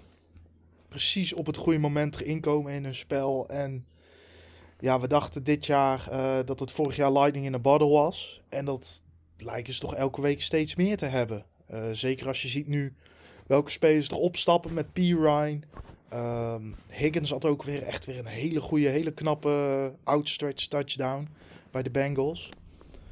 Ja, ze zijn gevaarlijker dan, eh, dan ze in de eerste weken natuurlijk leken. En ehm, ja, waar, waar eindigt dit? Nou ja, de, de nummer 1 seat is zelfs nog wel in play wat dat betreft voor de, voor de Bengals. Als je nu naar de rest van het programma kijkt. Er zit nog één cruciale wedstrijd voor laten spelen. Dan spelen ze thuis tegen de Bills. Nou goed, als je die wint, dan kom je op hetzelfde record. Even ervan uitgaande dat je de rest allemaal wint. En dan eh, heb je ook nog eens de, de onderlinge confrontatie in jouw voordeel. Die heb je al met de Chiefs, heb je die ook al. En die zullen dan ook nog wel één wedstrijdje moeten verliezen. Maar goed, je zit gewoon wel ineens heel dicht bij die top seat. En eh, wat dat betreft kan dat zeker nog. Ja, om die eh, top te pakken moeten ze dus onder andere de Ravens voorbij. Eh Sean, we hadden het voordat we gingen opnemen al heel even over de fantastische wedstrijd tussen de Broncos en de Ravens. En nou ja, jij eh, vond het sowieso al wel een mooi illustratief voor bepaalde dingen binnen de NFL. Ik zou zeggen, neem ons even mee naar deze hoogstaande wedstrijd. Ik dacht, het zal toch niet dat die Broncos gaan winnen. Zeker nadat wij ze zo hard tijdens de podcast afgelopen week hebben lopen afbranden. En eigenlijk het hele seizoen al ja, terecht lopen af te branden. Ehm, maar uiteindelijk deden de Broncos waar ze goed in waren, eh, goed in zijn. En dat is verliezen. Ehm, ja, teams eh, afgelopen zondag eh, met minstens twee turnovers, minder dan eh 10 pluspunten en geen geforceerde touchdown waren O en 206. Eh, nu is dat 1 en 206. En dat komt deels op het konto van de Browns. Of eh, pardon, van de Broncos. Die het gewoon weten ehm, te verliezen tegen de eh, Dollar Tree Aldi versie van Lamar Jackson. Want Lamar Jackson viel natuurlijk vrij vroeg in de wedstrijd uit. Ik moet zeggen, daarvoor en in de afgelopen weken loopt die aanval van de Ravens gewoon niet erg goed. Ja, en dan helpt het, het uitvallen van Lamar zeker niet. Ehm, Nou, hij werd, eh hij werd eh gesackt, of in ieder geval getackeld van achteren. Eh, is wel op eigen kracht van het veld gelopen, maar sloeg de blauwe medical tent over, liep meteen de catacombe in en werd niet lang daarna als oud gegeven met de knieblessure. Berichten daarover op dit moment zijn, ja, in eerste instantie zeiden ze day-to-day of week-to-week. Dat is nu al vrijwel zeker week-to-week. Dus hij, nou, ik ga er even vanuit die aankomende week sowieso mist. En nou, ik, zou, eh, ik zou eigenlijk denken dat hij misschien wel eh, wat meerdere weken eh, gaat missen. Ja, dan hebben zij inderdaad nog Tyler Huntley, die, ja, of het nou ligt dat, aan dat de Ravens voor het uitvallen van Lamar sowieso al niet lekker liepen, of dat Huntley zo goed is. Maar heel veel minder ging het niet met Huntley. nee, maar ja, ehm, dat is ook niet super lastig natuurlijk Nee, tegen precies. de Broncos. Ehm, we hadden het er vorige week al even over. Eh, die defensie, eh, die is echt niet slecht van de Broncos. Maar als jou, jouw team elke keer maar three and outs aan het, eh, aan het spelen is, ja, dan word je op de nu moe en dan ga je gewoon als defensie slechter spelen. Ja, over het algemeen, het was gewoon weer een hele slechte offensieve wedstrijd die we wel vaker dit, zien, dit jaar zien in de NFL. Maar grootste takeaway is, ehm, ja, Russell Wilson is nog steeds niet op koers om meer touchdowns dit seizoen te hebben dan badkamers in zijn huis. Dus Ja, ja, ja. ja, heel eerlijk, ondertussen gun ik het hem ook niet meer. Er zitten echt zulke mooie statistieken weer allemaal tussen. Hè, dat eh, Carson Wentz heeft meer touchdowns gegooid dan Russell Wilson. En, eh, en Wentz speelt al niet meer sinds week 6. en eh, nou ja, als de, de Broncos elke wedstrijd 18 punten hadden gescoord, wat toch wel redelijk haalbaar zou moeten zijn in de NFL, dan zouden ze nu eh 9 en 3 zijn en de nummer 1 seed hebben. Dat is een beetje de, de, de Broncos. Ja, want de tragiek daar is natuurlijk dat eh, de defense van de Broncos gewoon echt heel goed is. Ja. Ja, misschien wel eh, over het hoofd een beetje wordt gezien wat de Broncos heel slecht zijn. Maar dat is gewoon echt wel top, misschien wel top 3 in de, in, in de league. Want het is wel echt week na week. Er zit echt nauwelijks uitschieters tussen. hè. Volgens mij de meeste punten tegen. tegen de, de Raiders maakten er 32. En voor de rest is het inderdaad 23, 22 of onder de 18. En dat is wel, eh, wel echt wel heel Ja, knap. ze, ze krijgen Ja. gewoon een slechte naam. eh, slechtere naam moet ik zeggen, want ze spelen natuurlijk nog steeds niet slecht. Door het slechte spelen van een aanval, eh, week na week. Wat het juist knapper maakt, want we staan veel meer op het veld dan de andere goede defenses die ook nog eens een aanval hebben die Ja. loopt. Zeker weten, zeker weten. Ja, ja, ik ben heel benieuwd hoe je, hoe je daar naar kijkt als ze defense zijn eh, met de, de, de 17 Oei, helemaal verliezen van de Titans, 10-9 van de Ravens, ne- 16-9 van de Jets. Het, is, het zijn natuurlijk wel hele pijnlijke verliezen. Maar goed, die defense gaat natuurlijk komende weken wel ietsje meer getest worden. Krijgen komende week de Chiefs, die komen ze nog een keer tegen wat later op, op 1 januari. Ehm nou ja, Cardinals en Rams hoeven je niet zo erg zorgen over te maken. Chargers, laatste wedstrijd. Dus dat, eh, er zit nog wel wat aan te komen voor, eh, voor Denver. Maar eh, ja, dat dit een verloren seizoen is, dat mogen duidelijk zijn. En misschien is het wel leuk om meteen hier naartoe door te pakken. Want hoe verloren het seizoen van Russell Wilson en de Broncos is, wordt natuurlijk wel heel mooi onderstreept door de Seattle Seahawks, jongens. Want ja, wij dachten allemaal dat bijvoorbeeld de terugvallen van Lockett de laatste jaren, of in ieder geval vorig jaar, lag aan Lockett zelf. Dat je dacht van, nou ja, die heeft zijn beste tijd wel gehad. Blijkt nou, kan die jongen gewoon nog prima spelen als de, als de quarterback maar niet Russell Wilson is. Maar laten we zeggen, Gino Smith. Eh, Chris, ja, de, de Seahawks gewoon, gewoon vraagteken op, eh, op playoff koers. Eh, ja, nu weer eventjes wel, hè. Ah, ze zijn in de hunt. het is een het wordt een rare, heel... rare stand altijd met die, met die tie van de Commanders nu erbij. Maar eh, ja, ze zitten er eh, nog steeds tussen. Dat had ik van tevoren Dus- niet, totaal niet verwacht. En ik denk niemand. En eh, ik denk dat mensen aan het begin van het seizoen hadden gedacht dat Lok, Drew Lock de starter zou worden. Nou goed, hè, wat dat betreft doet Gino het natuurlijk boven verwachting. Ze hadden 438 yards offense afgelopen zondag. En de, de verdediging van de Rams, miste wel Aaron Donald. Maar goed, het blijft toch nog wel een indrukwekkend aantal. Eh, hè, wel heel benieuwd, want qua op, op de running back, er zit natuurlijk al niet mee. Penny was al geblesseerd, Kenneth Walker is nu geblesseerd geraakt. DJ Dallas raakte geblesseerd van de week. Dus ehm, het wordt wel heel lastig met zoeken naar, naar nog wat running game. En of dat nou, eh, vol te houden Volgens mij loopt eh, Tony Jones daar nu, toch? Eh, ja, maar die was, was, was hij ook niet Ja. even geblesseerd en weer terug? Het, het was echt een enorme puinhoop in ieder geval van de week. Nou, toen kwam volgens mij Dallas er weer in op één voet. Die had inderdaad een voetblessure. Maar ja, op het moment dat je niemand anders meer hebt, dan eh, zal je toch iets moeten doen. Nee, dat daar, dat daar een probleem zit bij de running game is duidelijk. Maar ja, eh, wie had, van, wie had voor dit seizoen bedacht dat eh, na week 13 de Seahawks eh, in ieder geval tijdelijk op de 7 seat zouden staan. Want inderdaad, door, die, door dat gelijkspel vallen de commanders er nu dan even buiten. Omdat ze een wedstrijd meer gespeeld hebben nog. Ehm, dus het, ze zijn vol in de hand. En dat is denk ik een groot compliment voor de coachingstaf al daar. Ja, absoluut. Pete Carroll zit, is zeker in de mix van, van Coach of the Year. En ehm, nee, dat is wel, du- wel duidelijk. Ja, als we dan hun resterende schema... Ik weet niet, heb jij dat toevallig voor je? Ik ben het eh, even aan het zoeken. Ja. 49ers nog, hè? Twee Ja. Seahawks krijgen inderdaad... Seahawks krijgen inderdaad nog eh, oh, eerst de Panthers, dan eh, thuis, dan de 49ers thuis. Dan moeten ze nog naar de Chiefs. Dan krijgen ze de Jets thuis en de Rams thuis. Dus wel lekker veel, veel thuiswedstrijden nog voor de Seahawks. Dus die, die twaalfde man die kan ook lekker zijn woordje mee gaan doen. Ja, nou, de Rams, laatste wedstrijd, mag je denk ik in de wincolumn zetten. Want die jongens zijn gewoon gestopt, denk ik, dit jaar. Komen we zo nog eventjes op. Ja, nou ja, rest- laten we dat gelijk doen. Want ehm, Ga je gang, we zitten toch bij de Rams. dat idee had ik namelijk afgelopen zondag natuurlijk voor de wedstrijd ook al. Hè? Dat, natuurlijk, hè? Geen Stafford, geen Cup. Dit wordt een, een makkelijke overwinning voor de Seahawks. Die moeten en de Rams hebben het al opgegeven. Het, het was een stuk spannender dan ik had verwacht. Ik bedoel, ze blijven erin. Maar hè, halverwege het vierde kwart of, of stonden de, de Rams nog gewoon voor. Hè? Met, met Cam, Cam Akers. Akers bestaat nog. Ja, die dacht van, oh, misschien ik even een paar weken moet, moet werken voor een nieuw contract of, eh, of ergens iets eh, om, om erin te blijven.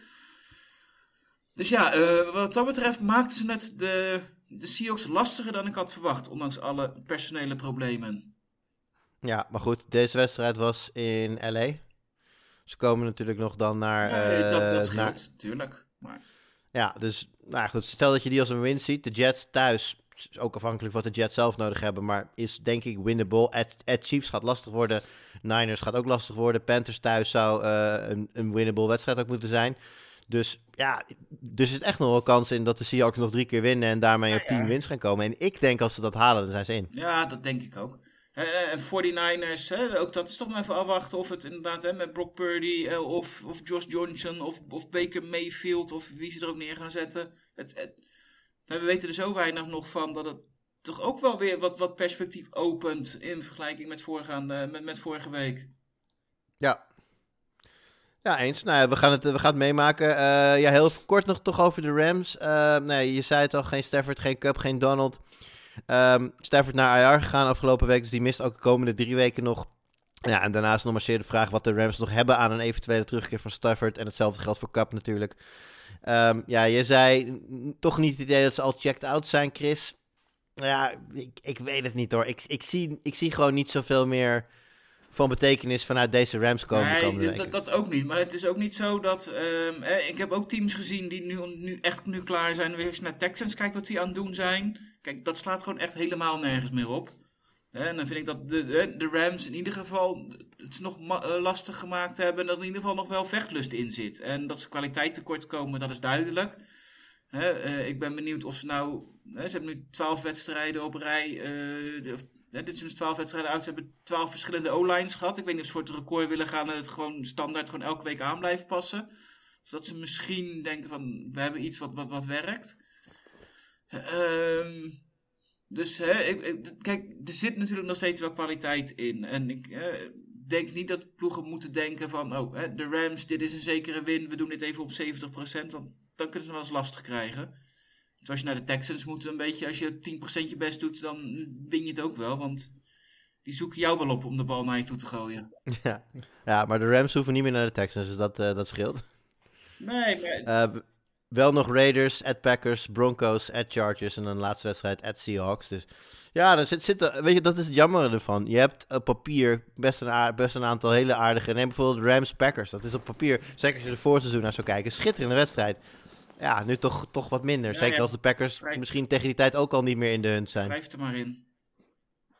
Ik, serieus, ik vergat dus even. Jij gaat daar naartoe, of niet?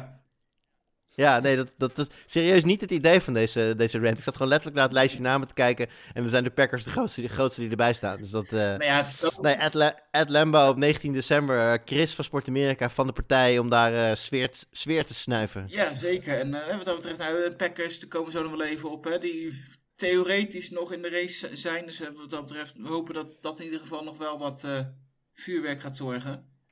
Ik heb eh, trouwens er net even naar weervoorspellingen van de komende weken zitten kijken in de koude weergebieden. Ehm, sneeuw, Chris. Sneeuw en bitterly cold volgens AccuWeather. Dus eh, Ja, volgens, heel, heel, heel veel succes op die ijzeren bankjes. eh, de, we, wij gaan donderdag die kant op. Volgens mij beginnen het hier woensdag met sneeuwen. Dus eh, dat wordt... eh, we- nou ja, goed. Als je dan toch op Lambo bent, dan moet je eigenlijk ook wel gewoon een wit veld hebben. Dan eh, heb je Ja. maar in één keer Ja. allemaal meegemaakt.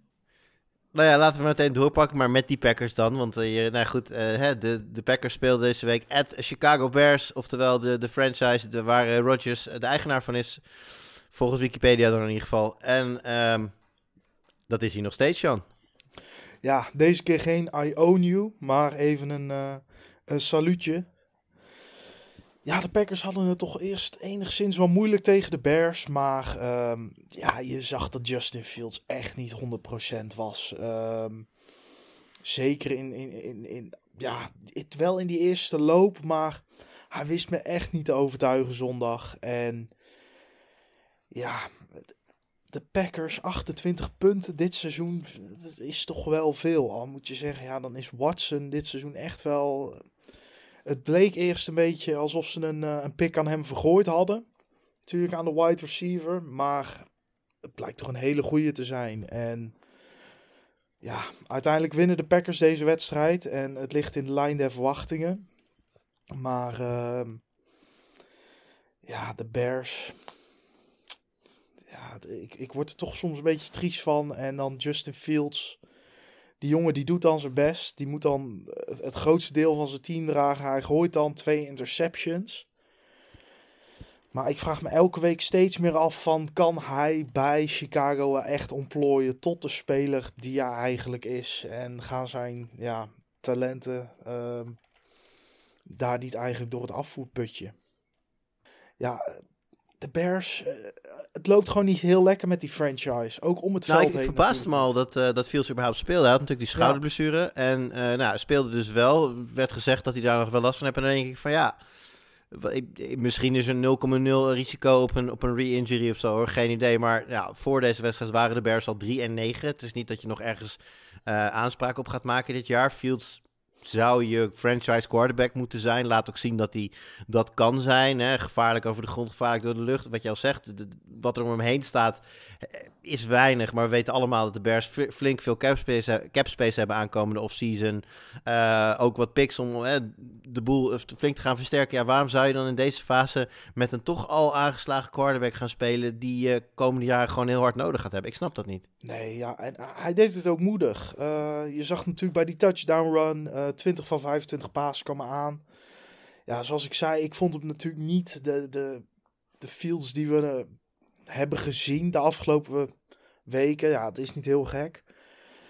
Ja, wat als die jongen nou weer geblesseerd raakt en het is veel erger? Ja, dan sta je daar als, als coach, als front office met je bek vol tanden. Ja, uh, we staan nu uh, bij wijze van spreken 4 en 9, maar we zijn wel onze franchise quarterback voor het komende jaar kwijt. Ja.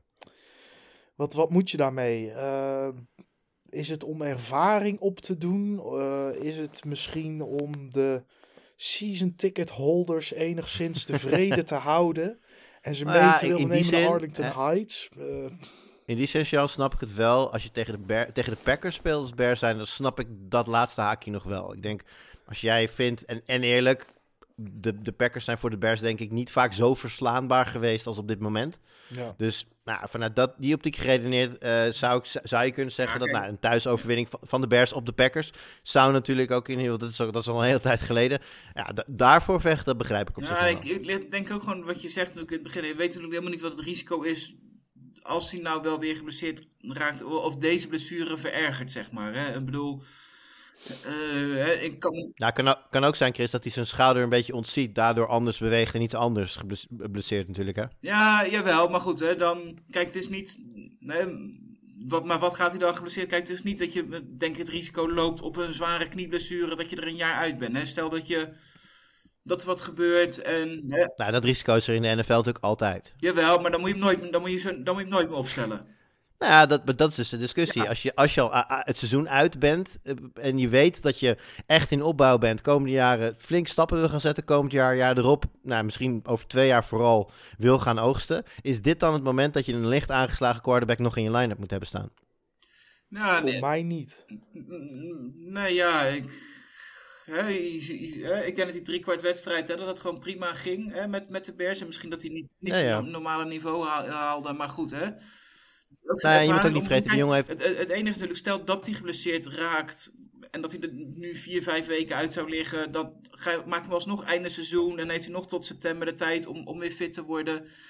Kijk, het is niet dat je hem een week te vroeg brengt, zodat je een playoff run in gevaar komt. Het seizoen is wat dat betreft klaar. Hè? Het draait nu gewoon om ervaring opdoen, beter worden en dat je het begin van volgend seizoen staat. En ik kan me voorstellen dat ze dan denken van, hè, hij is nog jong, elke wedstrijd telt. Ja, en wat ik wilde zeggen, hij heeft zelf natuurlijk ook een stem. Nou ja, zeker.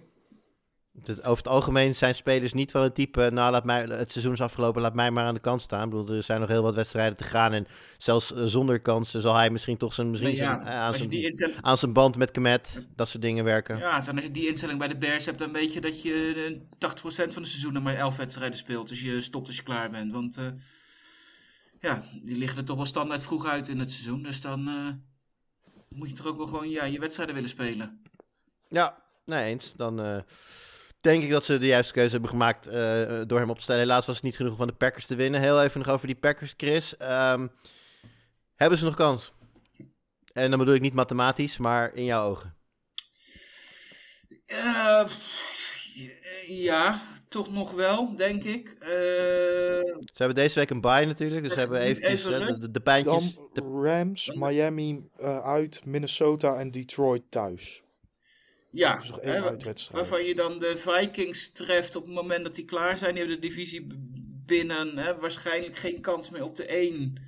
Hè, g- misschien zelfs al dat de 2 ook al wel binnen is. Want het gaatje naar, naar onder is natuurlijk ook al wel aanwezig. Ja, laat me je daar stoppen. Als de Vikings die dag de kans hebben om de Packers definitief de nekslag te geven in hun hunt naar de playoffs, gaan ze het niet nalaten. Op die Lambo. gaan op absoluut Lambo. niet met een B-team daar staan. Zeker niet. Nee, maar onbewust gaat iedereen toch even. Hè, het is, Business decisions, ja. Het is, hè, ik denk dat we niet moeten vergeten hè, dat de rivaliteit tussen een, een Packers en, en de Vikings veel meer bij de fans leeft dan bij de spelers die in de playoffs willen staan en daar willen winnen. En die veel minder bezig zullen zijn met halen de Packers of niet, want ze weten dat ze in de playoffs toch wel van die Packers gaan winnen. Ik weet niet of ze dat weten. Ik denk als ze de kans krijgen om ze, naar, om ze eruit, Ja, eh, eruit te gooien, dat ze dat echt niet gaan, gaan nalaten. Tuurlijk, maar ik denk wel dat, je onbe- hè, dat, dat ze onbewust toch, toch voorzichtiger zullen zijn. Dat je weet van nee, ik moet nu fit blijven. Over twee weken is het veel belangrijker dan nu. Dat dat meer in hun hoofd zit dan dit is onze eeuwige rivaal. Die moeten we er nu uit, uitgooien. Onbewust eh, denk ik dat, dat, dat het echt wel mee gaat spelen. En dan, eh, dan de Lions. Dus ja, eh, makkelijk wordt het niet. Maar het zou ook niet heel gek zijn als ze er nog, eh, nog vier op rij winnen. Ja, die Lions die natuurlijk zelf trouwens ook nog eh, mee in de hunt. Eh staan 5-7. eh, omdat ze een wedstrijd minder hebben gespeeld, staan ze dan net boven de Packers nog in de stand.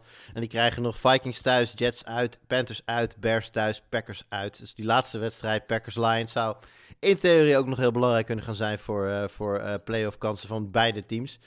Ehm, ja, omwille van de tijd, jongens, we gaan niet alle wedstrijden meer doen. Ik denk dat het misschien nog wel even leuk is om de Vikings zelf nog even bij te halen. 10 en 2 natuurlijk. Eh speelde thuis tegen de Jets. Begonnen erg sterk. Eh, maar eh, Sean, Mike White, Magic Mike White, eh, doet toch weer goed mee. Al, was het niet zo goed als vorige week. Maar nou ja, ze maken er een wedstrijd van. Ja, ik zei in de preview podcast, sprookjes bestaan niet in de NFL, maar ja, de 369 yards van Mike White zeggen toch wat anders. Ja, het was een. eh, het, probleem alleen bij de Jets, eh, efficiëntie. Eh, je hebt uiteindelijk 486 yards die je bij elkaar sprokkelt tegenover de 287 yards die de Vikings bij elkaar spelen. Maar ja, wat betekent het uiteindelijk? Helemaal niks. Want je scoort aan het einde van je drives gewoon geen touchdowns of een field goal of helemaal niks. Ehm, ja, en dan zie je toch wel dat er... Ja, er zit kwaliteit bij New York, eh, bij, bij de Jets, zeker weten. Maar toch denk ik net niet goed genoeg. Ehm, de, Vikings overtuigen mij dit seizoen niet. En winnen toch uiteindelijk deze wedstrijd. Ehm, ja, en ik had eigenlijk, ik weet niet hoe dat bij jullie zat, eigenlijk nooit echt het gevoel dat het echt lastig zou worden voor, voor de Vikings. Ehm, misschien tot, tot ver richting het einde. Maar, Nee, eens. maar de Jets, ja, eh, ze deden uiteindelijk goed mee, maar echt gevaarlijk werden ze niet echt. Ik eh, had hetzelfde gevoel, met name ook omdat, ja, we weten natuurlijk allemaal dat de eh, Vikings wel wat firepower in huis hebben als het nodig is. Ja, en met de start die ze hadden was het natuurlijk niet nodig. Ze konden dit, Kirk Cousins is denk ik in mijn ogen een vaak onderschatte quarterback. Maar geef hem de kans een game te managen zonder dat hij echt heel impressive dingen hoeft te doen. En dat gaat hij altijd doen. Eh, en dat, dit was gewoon een wedstrijd waarin hij gewoon wist geen fout te maken en dan ga je hem winnen. En eh, dat is denk ik wat de Vikings exact hebben gedaan. Nou ja, en daarbij moeten de Jets natuurlijk op een gegeven moment wel meer risico gaan nemen. Maken die fouten wel, wat je ook zegt. Lange drives die dan eindigen in een interception bijvoorbeeld. Ja, dat eh, kost dan de Jets de wedstrijd. Maar goed, het is Wat wel... vreselijk fijn om, om een keer iemand te horen die, eh, die niet de volle haat heeft tegen Kirk Cousins. Ik ben het daar volledig mee eens. En zeker zolang je hem niet in primetime laat spelen, is het gewoon een meer dan oké quarterback. Ja, ik heb wel slecht nieuws voor Vikings, want ze gaan dus naar de playoffs. Ja, En in de playoffs zijn heel veel wedstrijden toch wel gewoon prime time. Als in, er is er meestal maar één tegelijk bezig. Dus ze zijn allemaal nationwide en allemaal onder de, onder de bright lights. Dus eh, ja dat, je hebt wel eh, wedstrijden natuurlijk die om, dan om ehm, vijf voor half vijf eh, Amerikaanse oostkusttijd worden jawel, maar die zijn wel ook gewoon nationwide. Dus Ja. Er is maar één wedstrijd dan, dus iedereen kijkt dezelfde wedstrijd. En dat, is, dat zijn meestal de momenten dat Cousins toch niet thuis geeft. Dus dat valt even af te wachten. Ehm, de Jets, eh, Chris, tenslotte. eh ja, veel tegenslag gehad. eh, weinig tegenslag. Groter natuurlijk dan het wegvallen van Brees Hall. En ook nog Carter die, die wegviel. Bam Knight die daar de, de, de, de, de, de taken waarneemt op, op running back. Mike White die natuurlijk ehm, Wilson vervangt daar op quarterback. Hoe ze doen, doen ze het. Maar ze zitten er nog steeds bij. Ja, en eh, we zeggen natuurlijk wel het gevoel dat ze het eh, eigenlijk geen kans hadden. Maar uiteindelijk is het wel gewoon een interceptie op de goal line. 10 seconden voor tijd die het verschil maakt. Zeg maar de, de play die. Wat dat betreft leek het heel erg op de, de, de Bucks Saints, maar dan met een iets andere afloop. Hè? Dat eigenlijk de Jets de hele tijd uit wedstrijd lijken en de slotfase terugkomen. Hè, waarbij die laatste bal niet de endzone ingaat, hè, maar onderschept wordt. Want anders is het gewoon, ondanks alles, toch een overwinning voor de Jets. Dus ja, eh, maar goed, ehm, voor de rest, ja, ze doen het toch wel weer steeds. Hè? Als ze niet tegen de Patriots spelen. En dan, eh, ja, eh, wel heel knap. En wat dat betreft verdienen ze denk ik ook wel om, om de play-offs te halen. Vind ik. Ik kan me voorstellen dat daar in, in, in Boston anders over gedacht wordt. Maar, ehm, ja. Nou, als ik- natuurlijk bij de Bills. Ik, eh, wat zeg je? Leuke wedstrijd straks voor, voor komende week bij de Bills. Zeker. Maar als, als Patriots fan zijn, zou ik even reageren. Kijk, ik bedoel, ik, wij, zijn zo, wij zijn nog steeds wel, want het is zo lang is geleden, het ook allemaal niet, nog steeds wel zo verwend dat we gewoon diepe playoff runs in, ons, in onze gedachten hebben. En weten allemaal dat deze, deze Patriots, zelfs als ze per ongeluk op de een of andere manier in de playoffs terechtkomen, dat echt niet gaan doen. Dus ik denk, dat, dat, ik denk niet eens dat er heel veel eh, Patriots-fans zijn die het erg zouden vinden als de Jets de playoffs ingaan ten koste van de Patriots. Pas als de Jets ver komen in de playoffs, dan zouden ze zoiets hebben van, ja, daar zitten we niet op te wachten. Maar eh, nee, deze Patriots eh, hebben weinig te zoeken in, in de playoffs. Dus ik, eh, ik, eh, wat dat betreft gun ik het de Jets van harte als dit hun jaar is om, eh, mee, om eh, een keer mee te gaan doen in januari. Maar ik denk dat het ook voor de Jets dan toch vrij snel afgelopen zal zijn hoor. Dat Ik, eh, lijkt me ook. Maar goed, ik denk dus van tevoren ook niet verwacht dat de Jets überhaupt een playoff wedstrijd zouden Nee, zeker niet. Dus wat dat betreft denk ik dat het... Nee, wat dat betreft, we, noemden, we noemden net natuurlijk al eh Pete Carroll als kanshebber voor coach van het jaar. Ik denk dat eh, Robert Sala daar zeker bij zit. Ja, absoluut. En nog één coach in, eh, in New York. Ja, de bol mag ook, eh, mag ook zeker. Ik noem hem altijd Dable. Ik weet niet hoe jij dat ja, zegt. de- ik ook altijd Dable, eh, moet ik zeggen. Maar Brian Dable. de Vikings, die zie ik toch ook echt niet ver komen in de playoffs. Die staan nu op een 10-2 record, maar dat is me toch een partijtje fraudulent. Ehm, die worden toch, als ze tegen bijvoorbeeld de Cowboys komen, toch weer met 40 en 3 wederom van het veld gevaagd. Nou, ik Hoe- denk dat aankomende week heel interessant kan worden, want dan zijn ze at Lions. Nou, ze hebben natuurlijk de Lions al gehad, maar dat was helemaal aan het begin van het seizoen. Toen, de- toen waren het deze Lions, in ieder geval niet deze Lions. Eh, drie, drie keer op rij gewonnen nu ook, de Heb Lions. je de, Ik, eh, heb je de line gezien? De, bij de, de Ja. wetkantoren. De, de Lions zijn, zijn favoriet in het duel met de 10 en 2 Vikings. Vikings. ja, nou ja, there you go. De Lions zijn een stuk sterker dan, eh, nou ja, goed, Vegas eh, heeft over het algemeen een goed oog op dat soort dingen. Dit is eh, de negende, de afgelopen wedstrijd tegen Jets was de negende wedstrijd die ze met eh, acht punten of minder wonnen dit seizoen. Nou ja, dat is veruit een franchise record. Ja, die vorige wedstrijd tegen de Lions wonnen ze ook maar met vier punten. Ik, ik, Ja. ik snap niet hoe dit gebeurd is, die 10-2 record. Maar eh, lucky is hij in ieder geval. Ja, maar goed, ik Ja, denk nee, dat ze natuurlijk wel het geluk hebben dat we straks er twee hebben. Dan ligt natuurlijk in die eerste ronde, hè, dan krijg je Commanders, Seahawks, misschien de Packers of iets. Weet je, je kan sowieso nog wel een, een wedstrijdje, ik zie ze nog wel een wedstrijdje overleven. Dat ze dan daarna niet, niet op kunnen tegen de rest, dat- is denk ik logisch. En ik hoop dat ze het Ik, niet eh, redden, want dat zou betekenen dat de Eagles tegen de Seahawks moeten in de, in de, in de tweede ronde. En dat je dan de, de Cowboys en de, en de 49ers tegen elkaar gaat krijgen. Maar goed, dit is al heel ver vooruitkijken. Ik wil het zeggen, je kan wel zien dat jij fan bent van een playoff bound team. Want jij hebt daar veel meer over nagedacht al dan, eh, dan dat ik tot nu toe naar de playoffs heb gekeken. Ja, dat voor later. Eh, sowieso, we gaan hem hier even parkeren. Eh, voor de volledigheid nog even de wedstrijden die we niet hebben besproken. Eh nou ja, Browns Texans hebben we natuurlijk aan, het- eh, aan het begin eventjes aangehaald. Al de Browns winnen die wedstrijd. Ehm, zat daar een offensive touchdown bij of niet, jongens? Ik ben het even vergeten. Ja, van de Texans. Ja, precies. De Browns Kyle winnen... De, de Browns winnen 27-14 zonder zelf een offensive touchdown eh, te hebben Ja. gescoord. Winnen dus wel de- onder de rentree van Watson, maar niet dankzij de aanval. Eh, verder waren, hadden we nog eh, de Lions, we hebben ze vaak genoemd, maar de wedstrijd niet besproken. Die kregen de Jaguars op bezoek en wonnen daar heel dik van 40-14. Eh, de Raiders wonnen thuis van de Chargers, toch wel opvallend, 27-20. Chargers gaan de En, playoffs ehm, niet halen. Chargers gaan de playoffs niet halen. Je hoorde het hier als eerst. En de laatste wedstrijd. ehm, ja, in mijn ogen de wedstrijd waar ik het minst over zou kunnen vertellen. Ook omdat ik bij, dit, bij allebei deze teams zoiets heb van... Oh ja, die deden ook nog mee dit seizoen. Eh, de Steelers op bezoek bij de Falcons winnen 19-16. Ehm, ik geloof dat dat vier field goals tegen drie field goals was. Het eh, hield allemaal niet over.